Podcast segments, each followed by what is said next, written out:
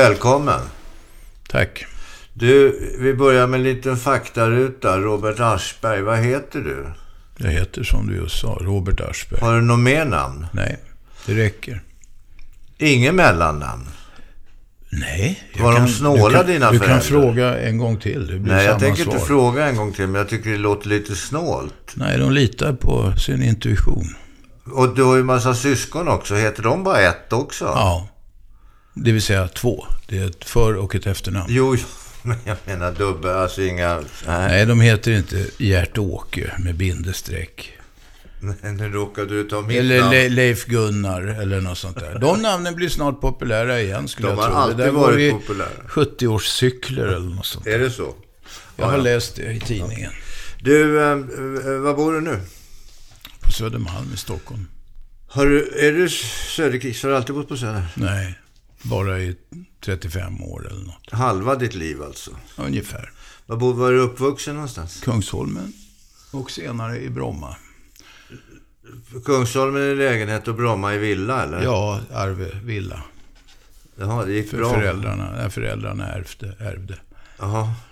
Och då flyttade vi dit. Aschberg. Ja, Det låter invandrat. ja det var det på, på 1800-talet. Min farfars far kom då. Han hette Asch och min farfar la till Berg för att man kan ju inte heta en interjektion tyckte han. Asch. Ja, Asch. Ja, det är ju lite tråkigt. Det är en interjektion. Är det det? Ja, Ja. en- i svenskan, ja. ja. Är, du, är du duktig på svenska språket? Nej, ja. Du är fan... I, go, I goda stunder är jag det. jo, men jag vet att du är språkpolis. Ja, det kan Han och honom och var och vart och sånt där är du ganska ja, snar med att ja, påpeka. fast det håller ju på att förslappas. Var ska det sluta? Ja, jag vet inte. Denna förslappning. Ja, så tillkommer en massa ord, eh, anglosaxiska eller anglofierade ord via vårt nya fina dataspråk som vi har fått. Ja, Och alla förkortningar och sånt där. Kan du dem? testa mig. Nej, jag kan dem inte själv. Va- Vad tänker du på? Kan du inte stänga av telefonen? Det Jag var sätter inte den på jävla tyst. onödigt. Jag sätter den på tyst. Men det kan ju vara komma att det kommer några viktiga likes eller något. Nej, det skojar jag. Har du telefon på jämt? Alltid. Alltså på, på volym? Ja. Du har Nej, det? inte, inte nu. Man sitter och... Nej, nej, men på natten och så. Ja, ja, visst. Anser du att du måste bli nådd? Nej, kanske en gammal jo- journalistsjuka eller någonting. Men eh, sen är det ju så att man har ju gamla föräldrar och jag har ju barn och barnbarn och det kan ju vara bra att veta om det ska hända något. Ja, hur jävla bråttom är det? Ja, det beror ju lite på vad som har hänt. Jo, men vad jag menar är att det har ju blivit betydligt mera bråttom nu för tiden att få tag på höga vederbörande än det var när man på den tiden skrev brev. Det tror jag inte alls. Jag tror att det var lika bråttom då. Det var så att det var, möjligheterna att kommunicera snabbt var begränsade. Jaha. Det påstås ju ett tag att det gick fortare på, på den gamla, eh, alltså innan, innan postverket kom så i Sydamerika få ett brev skickat tvärs över Sydamerika bara med bud än vad det var att skicka det med en post med frimärke och frankerat. Å andra sidan, om vi då håller oss till gamla Svedala, så var det så att det delades ut post två gånger i veckan. Förlåt, det delades ut post två gånger om dagen. Ja. Och bara en gång på lördagar. Och då kom posten fram. Ja, det gjorde den. Absolut. Med nästintill hundraprocentig säkerhet. Ja, det var väl om någon kanske hade skrivit så slarvigt med, med, eller skrivit med bläck och det hade ramlat ner i sörjan någonstans så att man inte kunde läsa för bläcket hade flutit ut. Ja, kanske. Robert Aschberg, vad har du haft för vanliga jobb? Vi känner dig som tv-gubbe och som radiogubbe och som journalist. Har du haft några vanliga jobb? Ja, det har jag. Som till exempel? Som till exempel, jag har varit, jobbat på sjukhus i mycket låg position. Jaha. Jag har varit sopgubbe. Jag Jaha. har varit vaktmästare i stadshuset för övrigt. Mycket fint. Jaha. På en avdelning som lades ner senare. Det hette Stadskansliets organisationsavdelning. Förkortades, nå- något- förkortades SKORG. De hade uppfunnit egna system för att ha i pärmar med små plastflikar och så. Aha. Jag kan berätta en historia från det senare, men jag fortsätter upprepningen, eller uppräkningen. Av jobb. Jag har varit då eh, Sopgubbe, sa jag Ja, det sa du. Sa jag det? Jag har eh, eh, jobbat i bussgarage. Eh, som, först som rangerare, senare som hjälpmekaniker. Där trivdes jag mycket bra. Det var i tre, fyra år säkert. Sen har jag jobbat på ett eh, eh, vad heter det? kommunistiskt bokförlag en period. Alltså. Under min vänstertid. Det är ganska länge sedan nu. Eh, och sen har jag väl, är jag självlärd journalist. Men du, eh, vil- vilket du sa att du trivdes väldigt bra i buss, bussgaraget. Ja. Eh, sopgubbe. Eh, vad gjorde du på sjukhuset? Var det, jag vet ju att din pappa jobbar inom Ja. sjukhus. Var det genom honom du blev intresserad? Ja, det var det egentligen. Jag, hade, jag jobbade, någon sommar jobbade jag som biträde på operationsavdelning. Eh, och det var säkert att han hade hjälpt till att ordna på det. Det var ju så på den tiden. Nu talar vi om 60-talet, liksom tidigt Ja, 60-tal. vad fan, så är det väl åtminstone inom Jo, media ja, idag, i de ja. med, med, Men det gick och- att få, jo men det gick att få jobb där. Så jag hade kanske kunnat få det av egen kraft. Eh, och sen jobbade jag eh, faktiskt åt honom några månader med ett forskningsprojekt han höll på med. Och undersökte en massa patienter på ett speciellt sätt. Du, eh, vad har du för skolunderbyggnad? Alltså, Jag har gått gymnasium och jag har läst eh, två månader juridik 1970. då tog du studenten? Ja. Student- Nej, inte, inte med sån här förhör och det. Jag kom ett par, något år senare. Ja, så du fick... Jag hade ingen sån här varm korvmössa på mig. Och sådana där boll, bollar Nej, nej, ingen sån så. skit. Nej, nej, okej. Hörru du, eh, vad, vad, vad, vad, var du bra i skolan? Hyfsad. Jag hade ganska bra betyg. Men du var yngst i klassen? Ja, det var jag, för jag började skolan när jag var sex. Och det var en plåga då i början. Eftersom man låg underst i slagsmålshögen varje rast. Men eh, så småningom jämnades det där ut så det märktes inte så mycket.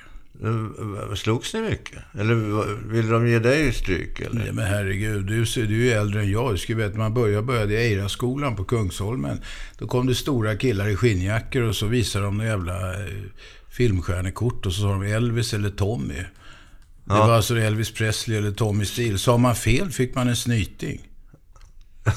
jo, jo, det var... Det var, det var Och där var man ju lite opportunist. I just det läget. Men var din favorit i det Nej, sammanhanget? jag vet inte. Jag var aldrig djupt imponerad av någon av de där två herrarna. Men du, har du några mu- musikaliska idoler? Ja, det har jag. Eh, Du menar med mer modern? Jag har massor, men det är väldigt varierat. Allt från Jussi Björling till Lil Kim.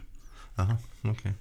Du, eh, den här miljön då som du växte upp i, när du låg och reste underst ur högen, var det det som gjorde att det blev ganska tufft? Du började ju träna och ha dig. Nej, det var senare. Då var jag väl några och tjugo eller något sånt där. Det var karate... Nej, jag höll på med det några år. Jag blev aldrig framgångsrik. Jag är för långsam och klumpig. De ska vara smala och snabba, de killarna. farliga saker. Ja, jag vet inte hur farligt det är. Det är en av huvudreglerna i all sån här kampsport är att man håller inte på med det utanför träningslokalen. Utanför skolan. Ja. Du blev kallad av Haschberg. Ja, Ja, Först blev jag i småskolan kallades jag för Arselberg. ja, det kan jag förstå. Ja, det låg ju nära till hands. Det låg ju väldigt nära. ordlek med namnet. I gymnasiet eh, så hade det där då eh, förfinats och blev Haschberg. Och det berodde på att jag hade för vana att röka en hel del av den varan på den tiden. Hasch. Ja, Det är starka grejer det. ja det är det väl. Jag har hört att det är... Jag har inte gjort det på 40 år eller mer, men... Men eh, det, det, var, det är nog ännu starkare nu tror jag. Asså? De har liksom förfinat det, så har jag läst i alla Ja, fall. ja, jag vet inte. Jag håller själv inte på. Du, vet, vill du bli en sån där riktig... Vill du ägna dig åt renhållningsarbete? Nej, det var väl de jobb man hade. Och sen hade jag eh, små barn och familj att försörja på den tiden. Så jag körde lite dubbla jobb. Och så jag körde buss på helgerna och sånt där också. Ja. Du, eh, då var, men bodde du kvar i villan då, eller? Nej, nej, nej. Jag flyttade hemifrån när jag var 18. Eller jag hade kvar lite grejer medan jag exercerade rekryten. Eller gjorde lumpen som det heter. Ja, ja. På modernare språk. Och, eh, eh, men sen då hade jag kvar lite grejer. Sen flyttade jag. ja och två barn. Nej, det fick jag ju senare. Okej. Du är inte mycket för att hålla någon ordning på tidslinjen här. Ja, men jag försöker hålla tråden. Ja.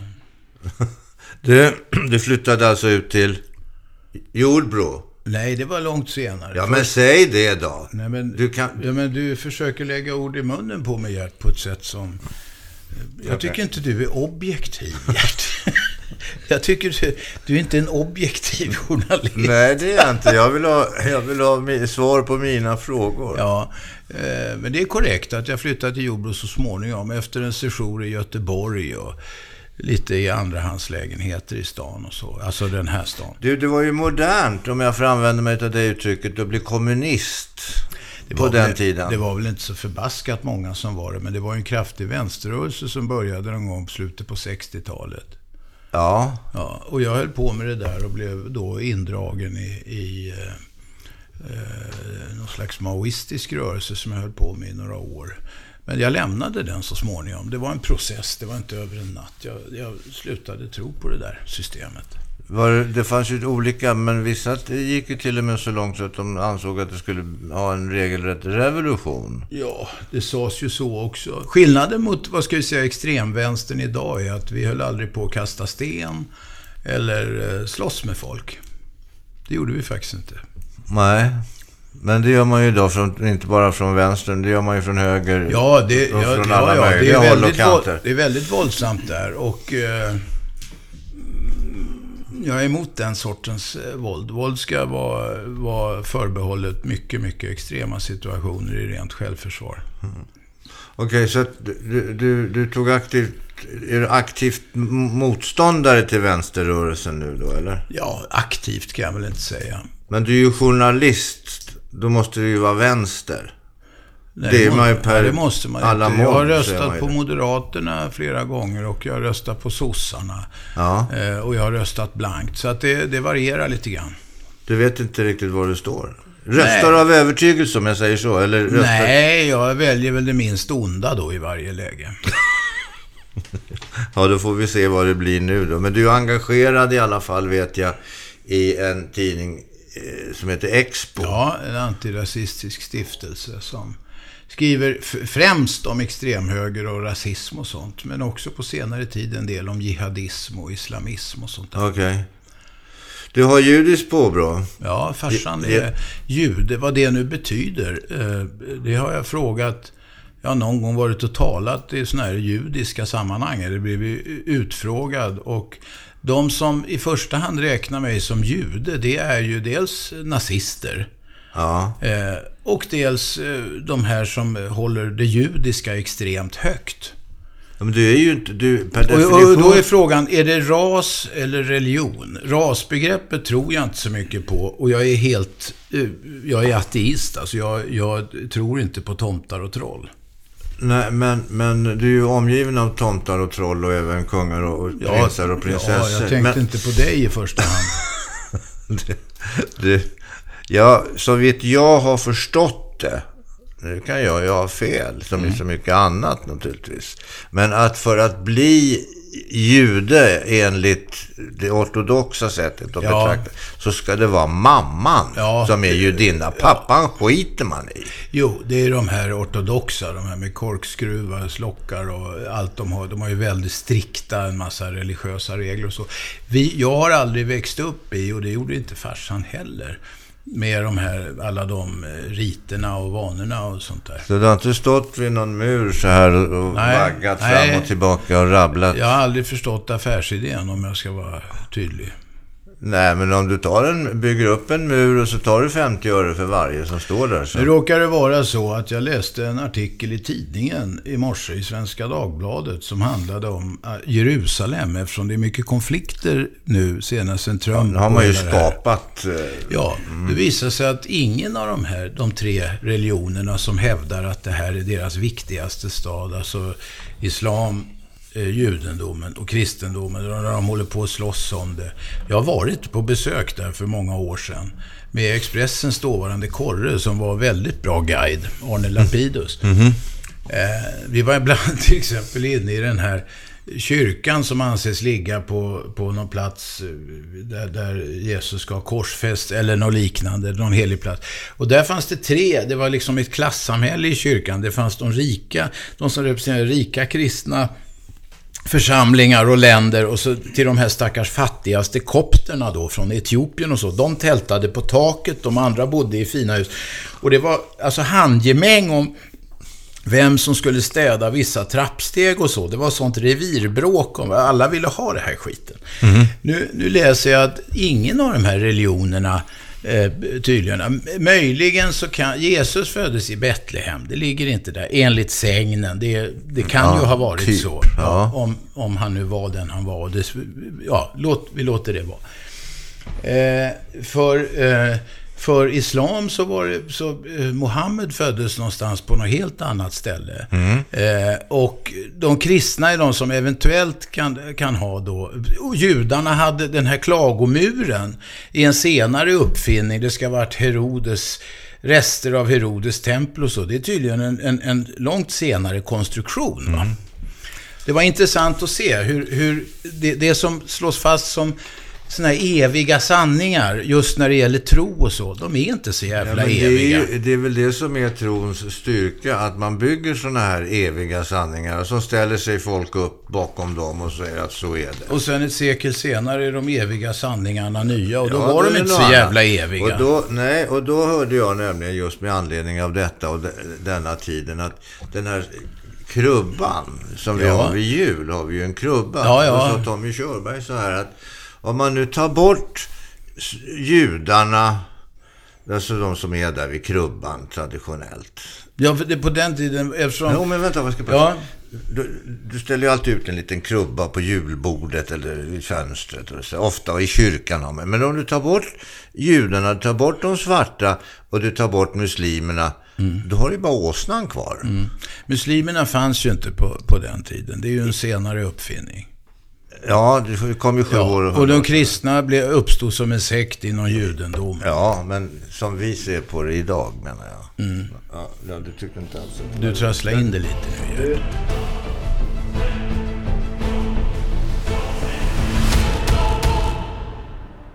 Du, du blev journalist. Mm. Ska vi gå tillbaka till huvudspåret? Nu går vi tillbaka till huvudspåret. Ja. Men du kom aldrig in på Journalisthögskolan? Nej, jag sökte två gånger. En gång så blev, sa, var det inte aktuellt. Andra gången så klarade jag alla prov, tror jag, ganska bra. Men så kom jag jättemycket på kant med någon slags psykolog. Det var den sortens prov då också. Vi blev riktigt ovänner och, och, och sen kom jag inte vidare. Vad, vad, vad blev ni ovänner då? Det minns inte jag. Jag var väl lite allergisk mot psykologer. Ja, du, ja, ja okej. Okay. Men du kom inte in i, i, i allmänhet, därför att en del av dem är sådana som borde gå till en. Förlåt? Psykologer, en del av dem är sådana som borde gå till en. Ja, ofta så. Var ja, det så att det var... Inte var det, alla. Var det en kvinnlig alla. psykolog? Ja, det var det. Jaha. Du ska inte dra några växlar på det. Nej, det tror jag inte vi ska göra. Du, Eh, du kom inte in på Journalisthögskolan, men, men du började likfullt att skriva och arbeta som journalist. Det var så här att jag hade faktiskt tänkt bli läkare. Och efter en viss tids yrkeserfarenhet och med någorlunda betyg i bagaget så hade jag kunnat komma in, fast det var väldigt svårt på den tiden. Eh, och i princip när jag skulle kasta in papperna och visste att jag skulle komma in på, på medicinutbildningen så kom en kompis till mig och sa att Nej, men bli journalist istället, det är enklare. Och då sa jag att nu är jag journalist. Och så var jag det. Och plötsligt så började det gå ganska bra. Du bara sa att, ja, du, ja. ja men det är ju inget skyddat, det är ju, man behöver inte ha legitimation för det liksom. Nej, det finns ju till och med folk som tror att jag är journalist. Ja. men du, vad, vad, vad började du? Vilket var ditt första journalistjobb? Jag kommer inte, kommer inte ihåg det. Men jag skrev för allt från den här kommunistiska gnistan till eh, Evangelie Herold som var någon djupt kristen tidning. Jag skrev om dissidenter i Östeuropa. Till, till bildtidningen C.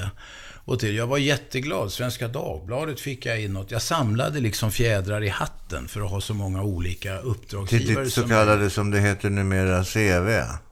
Ja, det är väl mycket att lägga till CV att man har skrivit en artikel i någon i endera tidning. Ja, men, men, men jag, jag, måste ju börja någonstans. Du måste som sagt börja. Ja. Men sen, sen så var du ju ganska påhittig också. Jag minns du hade eh, du hade en väldigt sympatisk men lite påstridig man som hette Ruben Otto Svensson. Han hette Otto Ruben Förlåt, Svensson. Otto och det Ruben var Svensson. senare, då jobbade jag på Expressen. Där jobbade jag i sju år och det kan man väl säga var mitt universitet. Det var där jag lärde mig det, det jag kan om, om journalistyrket. Eh, åtminstone grunderna för det. Va? Eh, och, eh, men det där var lite känsligt därför att dåvarande chefredaktören Bo Strömstedt, han tyckte inte alls om de där böckerna. Och när vi skulle göra nummer två, så jag låg rätt så lågt med att Vad var det för gubbe det där? han var handelsresande i damnylon och var ganska påstridig och skrev brev till folk och lurade dem att skriva brev tillbaks. Och så publicerade vi allt det där. Men det var Eh, inte vilket folk som... Vi hade snott idén från en engelsk förlaga vill jag säga. Det har gjorts en eller två gånger senare i svensk historia, liknande Men du böcker. skrev ju inte bara till, till kreti och pletit, utan det var ju ganska namnkunnigt folk. Ja, det var det. Och du skickade med pengar också för att sen kunna beslå dem med mottagande av muta eller sådana där saker. Något i den stilen, ja. Hade du roligt? Väldigt roligt. Vad, vad, vad är din mest märkvärdiga journalistiska gärning? För jag förmodar att det var inte Ruben Otto Svensson. Otto Ruben Svensson. om jag får be. Ja. Eh, Vad tycker du själv idag? Jag har fått frågan många gånger och jag tror att jag får ge ett allmänt svar. Det roliga är att jag under den, vad ska jag säga, karriär där jag håller på i snart 40 år, va? att jag har fått blanda så jävla mycket och göra ganska allvarliga saker och göra sånt som är rent trams. Av det senare har du och jag gjort en del ihop. Utav det allvarliga eller tramset? Ja, det senare. Jag sa tramset sist.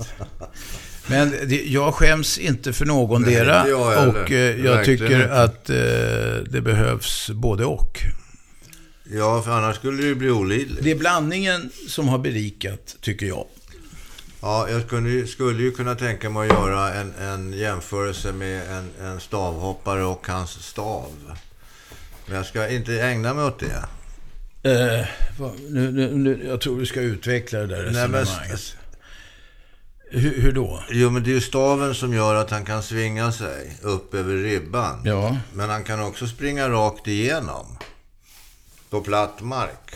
kan du, kan Nej, du jag kan inte förklara, förklara. Den där bild. analogin? Det Jag- dök upp en bild bara i mitt huvud. Ja, det var, det var lite mer kreativ än, än kanske rationell där. Du, eh, du, du är ju mångsysslare. Du håller, på med, du håller ju på med så jävla mycket grejer. Dels så skriver du. Dels så eh, är du med i TV. Du har varit med i radio, är med i radio. Eh, du... Nej, du, jag gör ingen radio nu, men skitsamma. Ja, Ja, annat än ja, det här du, eh, Ja, men du är med i alla fall. Du är inte aktiv i, i radiosammanhang på det sättet Nej. att du är programledare, men du är med och du är med överallt och du är en ständigt, på, ständigt tillfrågad person i väldigt mycket olika sammanhang. Är det, din, är det ditt intresse för allmänbildande och allmänbildade saker? Eller är det så att du bara har en jävla bred erfarenhet därför att du har gjort så mycket som gör att det är kul att prata? Här, här eh, lägger ju du en assist för att jag ska göra ett slags väldigt, väldigt pretentiöst mål. Och det kommer jag inte göra. Därför jag skulle inte beskriva mig själv som allmänbildande. Eller att jag gör så jävla stor eh, nytta för det ena eller andra. Eh, Men det gör du ju. ja, men det får i så fall andra. Ja, men jag säger det. Ja, det var väldigt jag, snällt Jag säger ju det därför att du har ju... Jag vet ju... hur- Äntligen en vänlig människa. Ja, jag vet ju eh, en historia som, som du inte ens har låtsats vid utom när jag själv vid tillfälle frågade dig om den. Det var jag mötte en servitör på en krog som säger du måste hälsa Robert Aschberg, vilket det är väldigt många som gör. Jaha, visst det ska jag göra. Han räddade mitt liv, sa han. Och berättade då att han, han, var, han var svensk om han var medborgare eller han stod i alla fall under svenskt beskydd, eh, Eh, den här killen. Och han hade fastnat på Moskvas flygplats. De släppte inte ut honom. Och han hade vänt sig till dig. Och du hade passerat honom på flygplatsen där i transithallen. Det där är något svagt minne av. Jag, ja. jag, vet, nu kommer jag ihåg. Jag ringde nämligen till UDs mm. jour direkt jag kom hem och sa att ni måste plocka ut den här killen. Han, han hade svensk. ingen möjlighet att kommunicera. Nej, han var svensk medborgare. Jag tror det, ja. ja. Men han hade av något byråkratiskt skäl, det fanns ju, fanns ju men gott sånt om sånt. berättar ju inte du. Gör ju inte du. Nej, men herregud, jag ringde ett samtal. Ja, men det är ju inte det. Det är ju inte det att du bara ringde ett Men vad ska jag sagt till killen? Dra åt helvete. Nej, Sitter, nej, naturligtvis sitter. inte. Men, men hade det varit Ingvar Oldsberg till exempel så hade det ju stått på vartenda jävla löp i, i hela västvärlden. Det vet vi inte, men... Jo, men, det ja, vet vi inte. Ja. Men jag bara, jag bara säger att vissa människor låter sin, sina göranden och låtanden eh, tala om sig. Ja, du gör inte det, det hoppas jag att jag gör också, men det där tycker jag var en skitsak. Ja, ja men den var lite spännande ja, ja. då, tycker jag. Okay. Ja. Och sen så, så minns jag en annan sak som du gjorde, det tyckte jag var också väldigt, för du är ju påhittig som fan, när U137 hade gått på där nere, den här ryska ubåten mm. i Blekinge. Sovjetiska var det då, ja, ja. Sovjetiska ubåten som man mm. då eh, hade navigerat fel eller med flit kört upp där. Ja. Så fick man ju inte gå ut på ön om man inte var skriven på ön. Nej. Det såg ju du till att det blev. Ja, jag gick in på den tiden gick man på postkontoret. Så jag hyrde ett hus där ute på någon av de där öarna och skrev mig där. Och sen så kom vi igenom polisspärrar och allt. Jag hade kameror i en plastpåse och så tog vi bild. De hade flyttat om den där ubåten. Eh, med lite folk som, som bodde där ute också. Så. Ja, men det är ju smart. Du är jävligt smart. Det kunde, kunde ju alla andra gjort också, men det gjorde de inte. Jag höll på att torska som fan, därför de har rätt hög kommunalskatt där. Och jag glömde, det var ett sista datum när man måste skriva tillbaka sig till Stockholm. Jag kom på det. Jag rusade upp till skattehuset på Söder och fixade det där. Dagen innan det liksom var för sent. Annars hade jag fått skatta i, i Karlskrona. Ja, det hade väl hjälpt Karlskrona kanske. Eh, jag vet inte.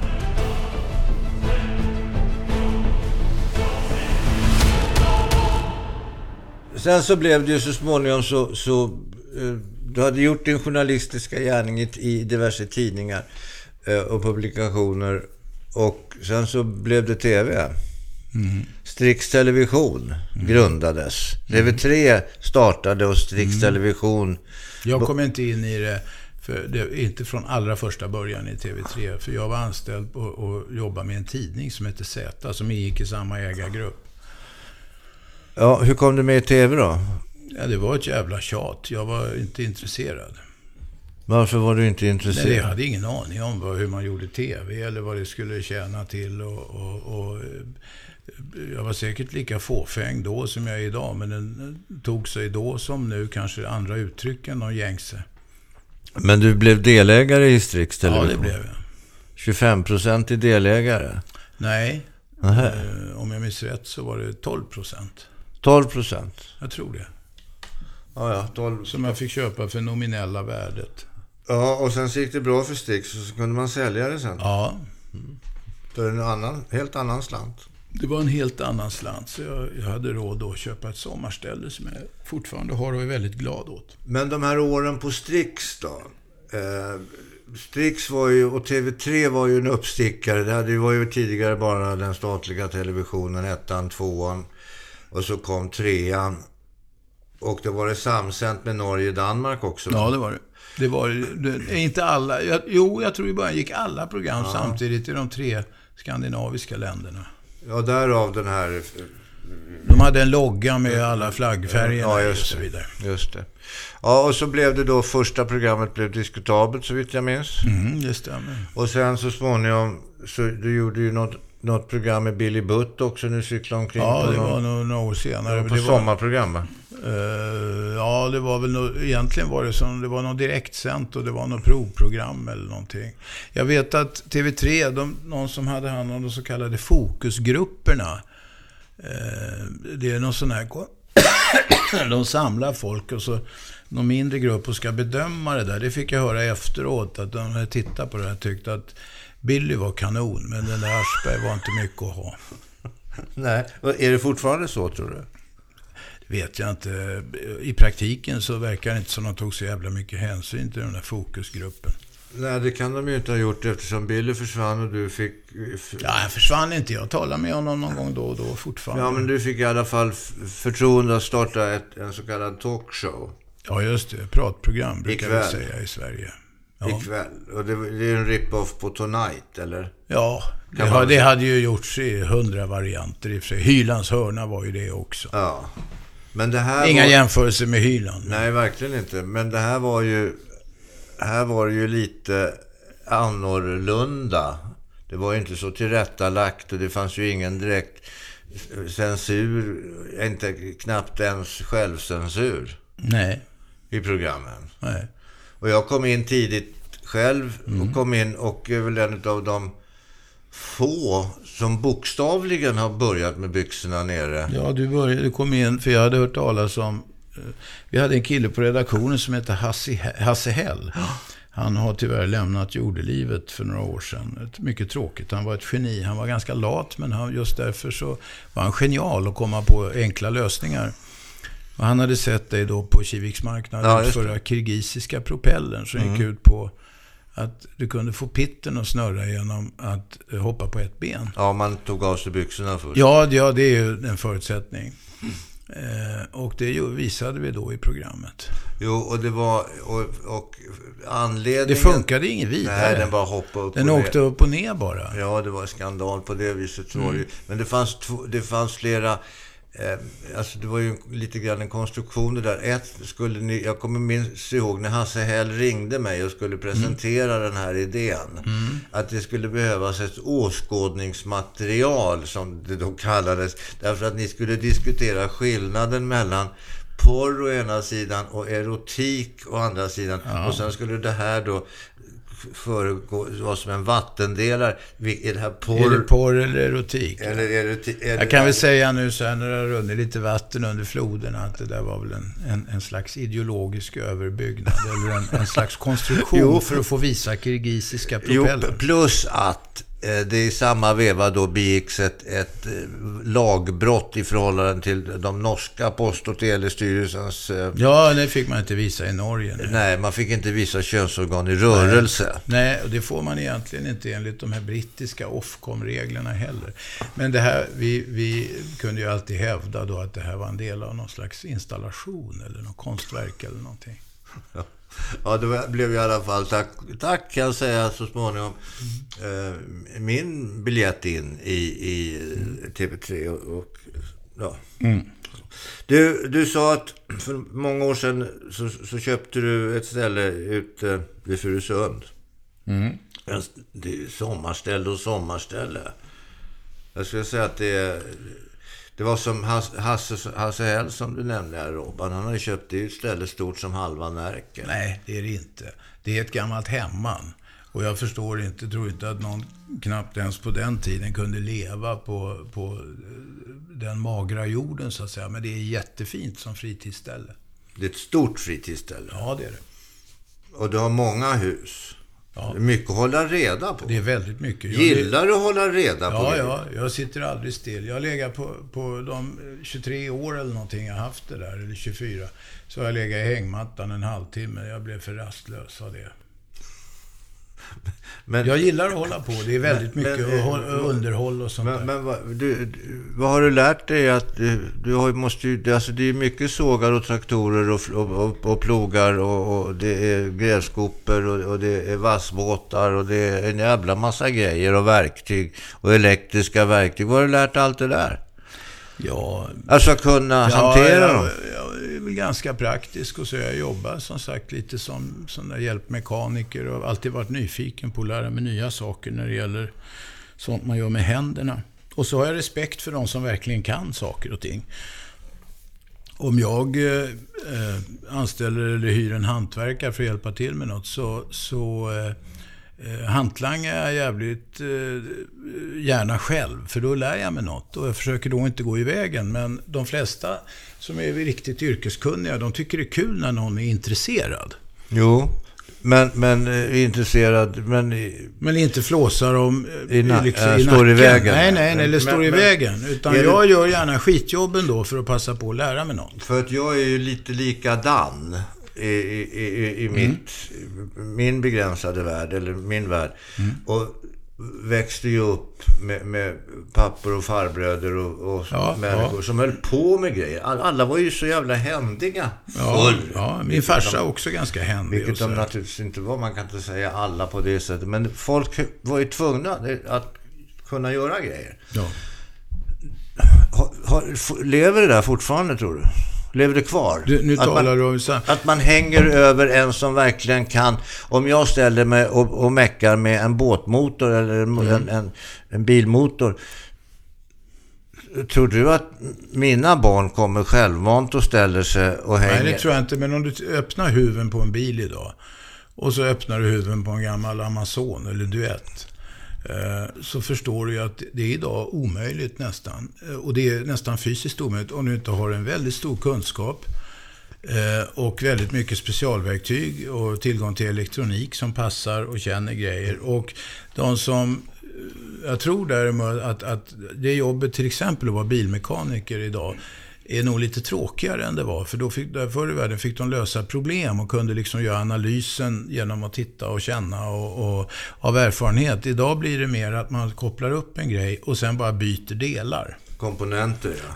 Ja. Jag måste, det är hemskt. Du, du, ja, ja, skitsamma. Men vad jag menar är, vad jag menade var med att, att visst, men för att du trots allt då ska förstå hur en motor är uppbyggd och inte om du...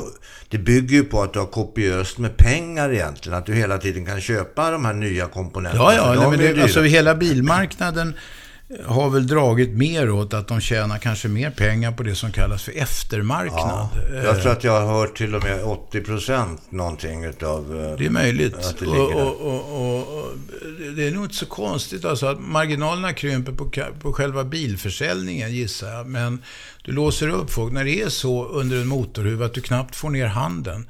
Än mindre begriper något av det ja, som finns det där. Vad fan, jag, det var ju någon, var det Audi som hade du fick inte ens öppna luckan. Nej, nej. Alltså vad heter motorhuven. Utan du hade påfyllnad till ja, ja.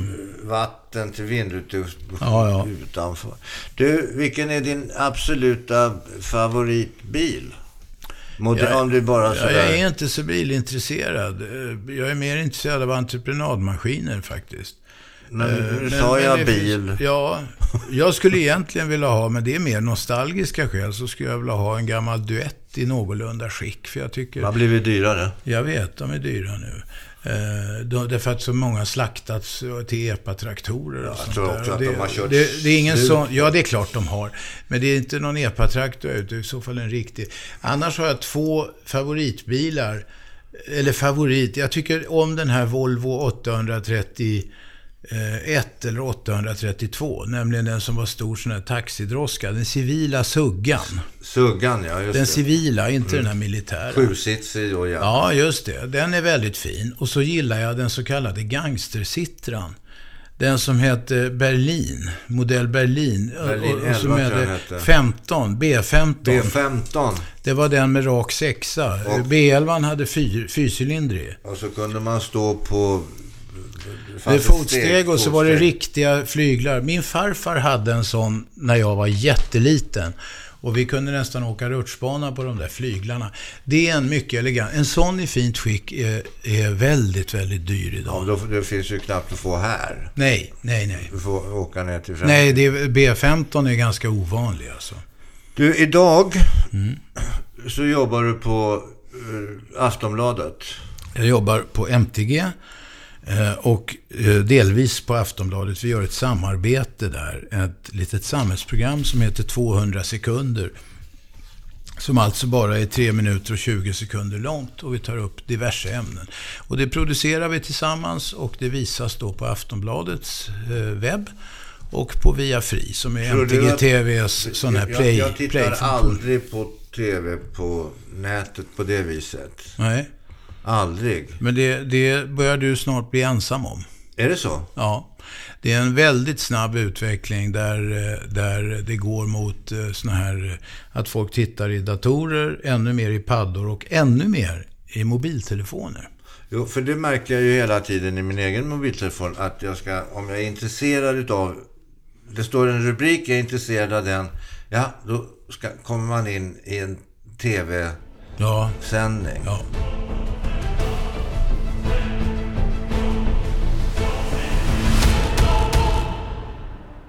Du, en, en utav alla dina arbetsgivare, och det blev, blev ju det, och vi har ju pratat om MTG här, det var ju Jan Stenbeck. Alltså ja. huvudägare till det mesta när det gäller just TV3 och Ja, alltså som kom Hur från träffade du honom? Hur blev det så att du... Blev du anställd av honom? Nej, det, det var så här att en, en, en, en kille som heter Jan Fridman hade fått i uppdrag att värva några som skulle kunna starta en tidning som sen kom att heta Z. Det visste man inte riktigt då. Jan ville ha någon form av, eh, vad ska jag säga, lite fräckare magasin, månadstidning efter förebilder av Vanity Fair och en amerikansk tidning som heter Spy. Jag vet inte om den kommer ut nu för tiden. Eh, Vanity Fair var ju väldigt höga ambitioner. Men, men alltså, eh, och så skulle det värvas någon gäng som kunde ta hand om det där. Och då, då eh, blev jag tillfrågad ihop med en gammal journalistkompis, Jörgen Widsell. Mhm. eh, som är mer tidningsmakare än jag. Jag är mer skrivare. Eh, om vi ville vara med och starta en sån där. Då hade jag jobbat sju år på Expressen och tyckte att ja, vi kan ju alltid åka till New York för vi blev bjudna på resan och uh, festa ett par dagar och ha kul. Ja, och det kan man ju alltid lys- göra. Lyssna på det där. Och så gjorde vi det. Varför och då det? var det ett därför att Jan konkurrerande... Stenbeck bodde alltså i... Han bodde där, Ja, ja. Eh, och då gjorde vi det. Och eh, eh, sen var det vi och ett annat gäng, de var tre killar, som eh, också hade, ville pitcha det här, att de skulle kunna göra det där. Och eh, sen senare på eftermiddagen, vi hade varit på det där fina kontoret där uppe och där satt det lite folk från Kinnevik, Jan och folk från Kinnevik, alla med någon blandning av folk, som eh, lyssnade på oss. Eh, och vi var väl, jag ska inte säga att vi var nonchiga, men vi, vi eh, sa väl vad vi tyckte och så vidare. Och sen så, sen så eh, fick vi reda på att vi får jobbet om vi vill ha det. Och så förhandlade vi på plats och sen gick vi ut och festade faktiskt med de som inte hade fått jobbet. Mm-hmm. Så ni var därför, ni gjorde bara en införsäljning, tack så mycket sa de och sen så... Ja, och sen, sen började vi. Jag sa upp mig och eh, Jörgen sa också upp sig och, och, och sen började vi. Och på den vägen är det. Sen har du varit eh, detta som sedermera också blev MTG. Ja, i mer än 30 år har jag jobbat åt denna mycket trevliga, generösa och eh, fina arbetsgivare som har gett mig mycket frihet, glädje eh, och betalt bra i många år. Vad har Jan Stenbeck kommit att betyda för dig? Väldigt mycket. Han var en briljant affärsman. Han kunde ligga eh, tre drag före i, i schack, om vi gör den jämförelsen. Han eh, var oerhört vänlig, åtminstone mot dem som han eh, inte hade något otalt med. Eh, han var generös, eh, han hade mycket humor. Det var en kille man kunde fråga om råd i saker, om man skulle förhandla om någonting eller, eller sådär. Han ställde samtidigt stora krav. Men han var, han var eh, för att vara sån chef och ha sånt rykte om att vara hård och så, ska jag snarare säga att han var en polare. Vi umgicks inte alls någonting privat. Vi träffades eh, en, en del i, i jobbet förstås och ibland var det middagar och såna här saker. Men han var ingen nära vän. Men eh, det var en man faktiskt kunde ringa och snacka med eh, om allt möjligt. Och så älskade han båtar. Och det gör jag också. Ja, men ja, ni hade väl lite olika båtar. Han hade, Ja, han hade betydligt större och dyrare och lyxigare. Ja. Som jag faktiskt till och med eh, fått åka med på eh, flera gånger. Och det var ju så att man eh, häpnade över all, all eh, eh, omsorg. Han hade ju råd, men alltså den omsorg och eh, ta- omtanke han hade liksom ägnat åt de här juvelerna till båtar. Du, du, har, eh, du har ju fått resa mycket. Ja, det har jag gjort. Både inom ramen för de här tv-produktionerna som bland annat Strix gjorde. Det var ju mycket Robinson och annat som var på Ja. konstiga platser. Jag gjorde faktiskt rena reseprogrammet. Eller reseprogram var det inte så att vi åkte som turist. Vi åkte på de mest underliga ställen. Men jag har haft förmånen att få resa väldigt mycket i jobbet. Du har varit nästan överallt. Nej, det har jag inte. Men jag tror jag har varit i ett 60-tal olika länder. Vart vill du komma då? Om det var så att du fick välja nu. Eh, Ja, eh, det finns många länder kvar att besöka. Nu är jag inte lika sugen på att resa eh, som jag var. Och framförallt så tycker jag inte det är så kul att bara resa som turist. Jag tycker man ska ha en uppgift när man reser. Men kan inte du bara hitta på en uppgift då? Det kan jag väl. Men, och få men... den resan betald? ja, så enkelt är det ju inte. Men, men det skulle man kunna göra. Men jag ska faktiskt... Jag ska åka till Vietnam i januari. Där har jag aldrig varit. Och det säger alla att det är ett mycket fascinerande land med vänliga människor och väldigt god mat och så vidare. Mm. Men, men du, du har aldrig längtat efter att, att bli sådär utrikeskorrespondent eller? Nej, det har jag inte. Det är ju en ganska skön par, titel att ha. Ett par somrar var jag Expressens utrikesgubbe i London. Jaha. Som vikarie då för den ordinarie. Men de här, du, är, är, du aldrig rädd när du åker på de här jobben? Alltså det är ju, det är ju oroshärdar lite överallt där du också har varit, vet jag. Ja. Nej, jag har nog inte varit rädd. Och uh, det är kanske till och med så att jag har varit, om inte dumdristig, så lite väl våghalsig några gånger. Men det har gått bra, peppar peppar. Kan du berätta om något? Nej, men jag har ju rest till exempel jag har rest buss i Afghanistan för, och, och jag har eh, varit i Tchad och fått, du vet, man får någon jävla automatvapen i nyllet och så vidare. Men, men dessbättre har inget, inget taskigt hänt. Nej, men du... Jag, var, alltså, jag, jag, men jag har varit på flera ställen. Det, det, det Libanon och, och, Etiopien och sånt. Där det har varit stökigt. Det är länge sedan nu. Men, men det här äventyrliga, jag vet ju att din pappa som är läkare, han har ju också jobbat på lite olika ställen runt om i världen. Ja, han jobbade åt internationella... Läkare utan gränser? Nej, han jobbade åt internationella Röda Korset och ja, blev, okay, på senare dag blev han, eh, tror jag, väldigt duktig på sån krigskirurgi. Mm. Men han måste ju ha varit borta långa tider från familjen då? Ja, men det var, då var ju alla barn utflugna. Så det var ju morsan som fick sitta ensam i perioder kanske. Ja. Beundrar din pappa? Ja, det gör jag i stora stycken. Och han lever? Han lever, han, han är inte, de är, de är inte så jävla mobila eller, eh, alltså, kroppen börjar ju ta på dem nu för de är senare 80-årsåldern, både morsan och farsan. Men de är helt klara i knoppen och vi talas vid regelbundet. De bor i Frankrike. De bor i eh, solen? Jag hälsar på dem. Ja, sol och sol. Det är inte på Rivieran va. Så de har till och med, jag tror några dagar om året har de frost. Men de bor inte så långt från Atlantkusten.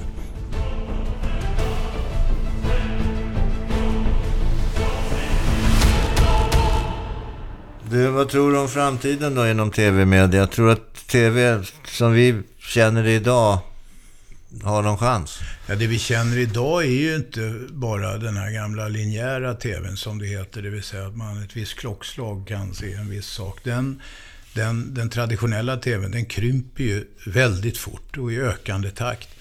Utan det som växer eh, motsvarande, eller nästan ännu snabbare, växer, det är ju det att folk kan titta på nästan vad som helst som de vill. När de vill och hur de vill. Jo, men samtidigt så finns det ju... Det finns ju någonting visst med, med oroliga tider och papperstidningar och linjär-tv.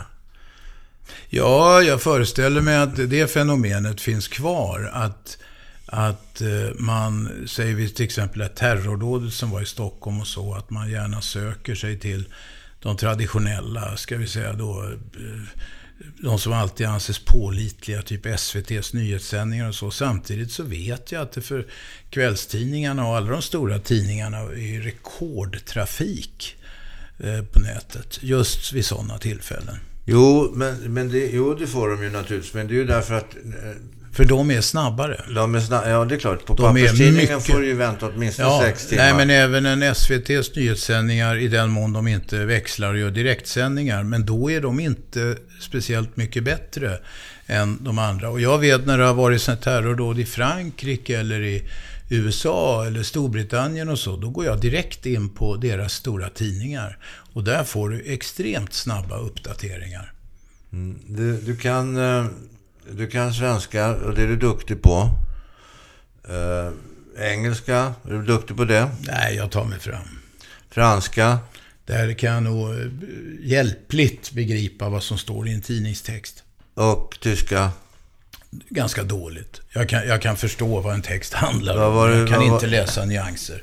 Så att någon språkgeni är jag inte. De, de, hade, de, hade, Clint Eastwood gjorde någon roll och så, eh, så frågade de honom, det var någon sån här cowboyfilm, men Do you know Spanish? Enough to get around the hacienda. Det var inte alls Clint Eastwood. Det, det var han den där, det var MacLeod som var en sån där. Och det var inte i verkligheten utan det var skrivet manus. Jo, jag you säger speak, inte att det var i verkligheten. You speak Spanish MacLeod. Enough to get around the hacienda, säger han. Du, du tuff, har... Tuff one-liner. Ja, faktiskt. Du, du...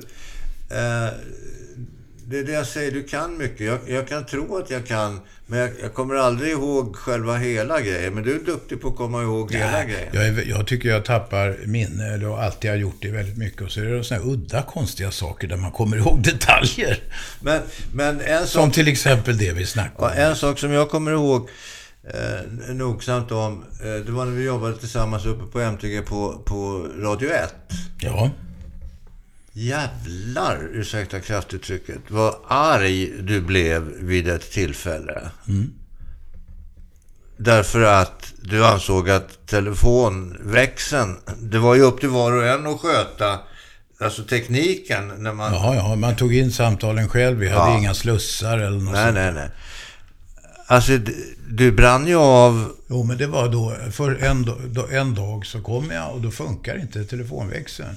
Och det är lite pissigt när hela programmet som då ska vara i tre timmar går ut på att folk ringer in. Ja. Och de kan inte ringa in. Hur mycket de än försöker. Och jag kan inte få ett enda samtal. När det upprepas dag två. Alltså jag blir väldigt sällan riktigt arg, men då blev jag det. Nu ska vi få lyssna till på Robert Aschbergs otroliga ilska som går ut över alla och allt. Jag blir otroligt jävla arg på det här. Mm, jag fattar inte. Och den här gången har inte jag gjort händer. något fel. Det är inte första gången. Och nu är det någon jävla linje som har hängt sig här. Och sen, jag börjar låta som Ingvon nu när hon är riktigt jävla arg. Gör jag inte det? Hon kan jaga upp sig sådär. Hon gjorde inte det alldeles nyss. Ja, men du har rätt att vara arg. Det ska inte behöva vara så. Åh, oh, vad trött jag är på de här. Och så är det då, man säger till folk att det är ingenting, ingenting händer med den här skiten. Ingenting händer! Jag ber, lyssna nu ni som är ansvariga för det Se till att något skit händer någon gång så det blir bättre. Jag orkar inte hålla på och knulla med de här jävla grejerna som inte funkar. Vad skrattar du åt, Shabbe?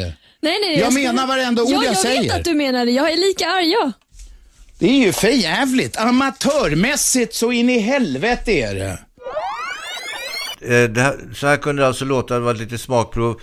Hela utskällningen finns på Facebook och Instagram för er som är intresserade. Nej, jag har sett dig riktigt arg vid några tillfällen. Men då är du å andra sidan riktigt, riktigt arg. Ja, ja, men det, blir, det är inte ofta dessbättre. För det är så jobbigt att vara så där arg. Ja. Men jag blev jävligt arg och skällde på allt och alla i ungefär 20-25 minuter i ett streck. Tills växeln plötsligt började fungera. och. En del mellanchefer gick utanför studiofönstret och hukade. De trodde att alla skulle få sparken. För jag råkar skälla en hel del på egna arbetsgivarna också. Jo, men ähm. tror du att du har... Eh, ska jag säga, du, du har lite grann en, en, en, en, en favör att folk förväntar sig av att, ja, och du har ju rykte om dig att vara den som säger vad du tycker och säger vad du vill och Sådär. Och folk är lite rädda för, därför att du är, för dig alltså, därför att du är ärlig och uppriktig till skillnad mot kanske vad man är van vid. Även om det är negativa grejer med det. Jag vet inte, men det är ju enklast att säga vad man tycker. Om man har dåligt minne som jag så ska man inte ljuga så mycket för då kommer man inte ihåg vad man har sagt. Nej, men så är det ju. Du, din förbläss för uh, könsvitsar. Ja. Uh, den är ju dokumenterad. Ja, kanske inte till fullo. Nej, men du har ju skrivit i alla fall. Jag vet ju att vi har skrivit eh, mm. en publikation, en bok till och med. Ja, det var ju inte vi som skrev den, men vi har ju Nej, men det var ju, vi satte ju våra namn under. Ja, exakt. Och kunde skicka varsin liten faktura. Ja. Det är lika bra att säga som det är, Gert. Jo, absolut. Jag, jag, tror jag bidrog med tre eller fyra vitsar ja, som jag tyckte skulle pryda upp boken. Vilken är den, vilken är den bästa könsvitsen? I, idag? Idag kanske man ska hålla lite tand för tunga. Eh, men om jag ska ta avstånd från någon mm. så tar jag avstånd från den här. Vilken är den bästa isen? Ja, det måste vara klitorisen. Mm, du, Och i metoo-tider kanske man får formulera om den. Ja, man skulle ju då i så fall kunna säga Vi- pe, penisen. Exakt. Det kan man göra så blir den mer genusneutral. Man kan ta både, först den ena, sen den andra. Och lotta ordningen på dem för säkerhets skull. Du, eh, eh, har det blivit ett, eh, ett försiktigare eh, ett försiktigare år som komma ska här, eller? Du tänker på eh, i... i eh, Kölvattnet utav metoo och så. Ja, det hoppas jag att det är. Därför jag tycker metoo som helhet är en väldigt bra sak. Eh, och jag tycker det är på tiden. Samtidigt så ömmar jag lite grann för en del oskyldiga offer som eh, tyvärr kommer som resultat av alla revolutioner. Och det här är ju en mindre revolution. Jo, och, eh, Folkdomstolen är ju inte rolig alltså. Nej, det är, lynchjustis är inte kul. Men det, var, det är väldigt viktigt och det borde egentligen ha hänt för länge sedan. Och eh, eh, många tjejer har fått utstå en jävla massa skit och då handlar det inte om, om nödvändigtvis om, om grova våldtäkter bara. Eh, för de finns inget försvar, men det gör det faktiskt inte heller för nedlåtande attityder eller sexistiska vitsar och sånt där. Nej, det gör det inte. Och det, där, det här är ju ett, ett beteende som eh, verkar vara nedärvt sen... Ja, ja, det är klart att det är en gammal, eh, alltså det bygger på en gammal tradition. Ja. Och den är väl bra att bryta då. Det är väl jätte, jätte, jättebra. jättebra.